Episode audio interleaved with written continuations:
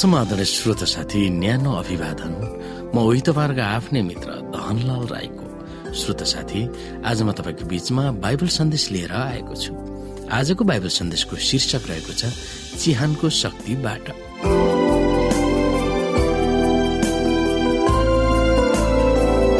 श्रोत साथी भजन संग्रहको उन्चास अध्यायमा आफ्नो अन्तिम पुनरुत्थानको बारेमा लेखकले पद पन्ध्रमा व्यक्त गरेका छन्।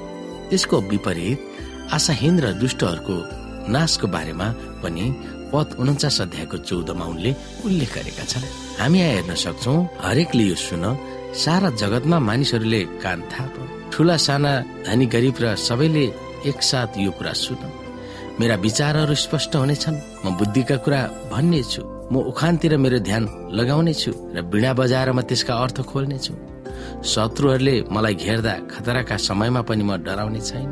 आफ्ना ठुलो धनको अहंकार गर्ने र आफ्नो सम्पत्तिमाथि भरोसा गर्ने दुष्ट मानिसहरू देखे मानिसले कहिल्यै आफ्नै उद्धार गर्न सक्दैन। उसले परमेश्वरलाई आफ्नो प्राणको मूल्य तिर्न सक्दैन। किनकि मानिसको प्राण बहुमूल्य छ।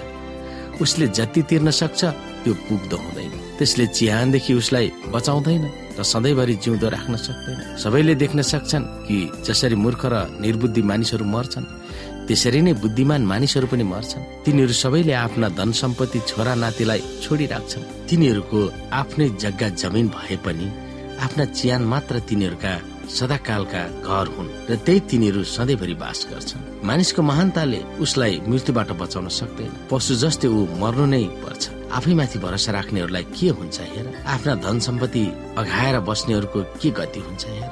तिनीहरू भेडा झै मरेर जानेछन् र मृत्युले तिनीहरूलाई खानेछ धर्मीहरूले तिनीहरूमाथि विजय गर्नेछन्। तिनीहरूका शरीर चाहिँ मृत्यु लोकमा आफ्ना घरदेखि टाढामा चाँडै सडेर जानेछ। तर परमेश्वरले मेरो उद्धार गर्नुहुनेछ। उहाँले मलाई मृत्युको शक्तिदेखि बचाउनुहुनेछ। कुनै मानिस धनी हुँदा उसको धन धेरै बढेर जाँदा व्याकुल नहो। ऊ मर्दा त्यो धन आफूसित लिएर जान सक्दैन। त्यो धन उसले चिहानमा लाने छैन। मानिस आफ्नो जीवनसँग सन्तुष्ट छ भने पनि र सफल भएर उसले मानिसको प्रशंसा पाएको भए पनि मृत्युमा ऊ आफ्ना पुर्खाहरूसँग मिल्न जानेछ। र त्यहाँ सदा सर्वदा अन्धकार रहनेछ। मानिसको महानताले उसलाई मृत्युबाट बचाउन सक्दैन। पशु जस्तै ऊ मर्नु नै पर्नेछ। धेरै धन सम्पत्ति थुपारेर अभिमान गर्नेहरू कस्ता मूर्ख छन् भनेर भजन संग्रह उन्चास अध्यायमा उल्लेख गरिएको छ। आफ्नै लागि मात्र जग्गा जमिन थुपार्नेहरू र आफ्नै हितको निम्ति मात्र स्वार्थी जीवन बिताउनेहरूले मरेपछि केही लान सक्दैन भनेर लेखकले ठुक्वा गर्दछन्। ती मानिसहरूले आफ्नै घरहरू र आफ्नै महिमा मान सम्मान सदाको निम्ति रहनेछ भनेर तिनीहरू चल्दछन्। तर मूर्खहरूले तिनीहरूको सबै सरसम्मान प्रतिष्ठाहरू पशु सरह नै नाश हुन्छन् भनेर सोच्दैन। तिनीहरू भेडा चाहिँ मरेर जानेछन् र मृत्युले तिनीहरूलाई खानेछ। तिनीहरूका शरीर चाहिँ मृत्यु लोकमा आफ्ना घरदेखि टाढामा चाँडै सडेर जानेछ। सयौं वर्ष अघि अयुबले यसरी नै व्यक्त गरेका थिए म आफ्नै आमाको गर्वबाट नाङ्गे आएर म नाङ्गे फर्केर जानेछु। यो व्यक्त गरेको हजारौं वर्षपछि पावलले पनि त्यही व्यक्त गरेका थिए। जन्मदा हामीले के लिएर आए अनि मर्दा के पो लिएर जानेछौ र? दुवै मूर्ख र बुद्धिमानी वा धर्मी आफ्ना धन सम्पत्ति अरूलाई उपभोग गर्न छोड्नुपर्छ भनेर भजनका लेखकले औल्याउँछ तर मूर्ख र धर्मी तथा बुद्धिमानीको बीचमा धेरै अन्तर छ। मूर्खहरू त आफ्नै छेडिक धन सम्पत्ति मान मर्यादा र कदरहरूद्वारा बाँच्न चाहन्छन् तर तिनीहरू नाश हुनेछन्।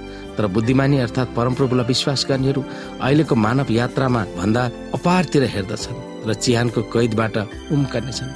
तिनीहरूको निम्ति महिमित इनाम परमप्रभुले सुरक्षित राख्नु भएको छ। यो दृष्टिकोणलाई मध्यनजरमा राखेर भजनको लेखकले ढुक्क भएर व्यक्त गर्दछन्। तर परमेश्वरले मेरो उद्धार गर्नुहुनेछ। उहाँले मलाई मृत्युको शक्तिदेखि बचाउनुहुनेछ। पुरानो करारमा अन्त व्यक्त गरेको धारणा वा आशासँग सहमति जनाउँदै आफू मरेपछि आफ्नो आत्मा वा प्राण सिधै स्वर्गमा उडेर जान्छ भनेर भजनका लेखकले भन्दैन। आफू चिहानमा सधैँ रहिरहँदैन वा चिर निन्द्रामा रहँदैन भनेर भजनको लेखकले भनिरहेका थिए।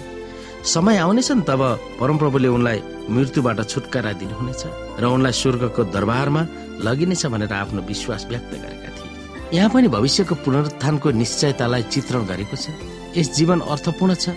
हामी आशाको आश्वासनमा बाँचिरहेका छौँ भनेर भजनका लेखकले व्यक्त गर्दछ त्यसकारण यस जीवनको छोटो अवधिमा मूर्खहरूले आफ्नो निम्ति जे जम्मा गरे तापनि बुद्धिमानी वा धर्मीहरूको महिमित र अनन्तको इनाम पाउनेछन् भनेर हामी सबै ढुक्क हुनु पर्दछ अन्तिम श्रोता आफ्नै धन सम्पत्ति मर्यादा कदर सम्मान मात्र खोजेर खुसी हुन खोज्नु कतिको मूर्खता रहेछ भनेर के तपाईँले थाहा पाउनु भएको छ? तपाईँको आँखा क्रुसमै मध्यनजर राखेर चल्दा ती गलत धारणाबाट तपाईँ कसरी सुरक्षित हुन सक्नुहुन्छ? त्यो कुरा तपाईँले सोच्नु पर्दछ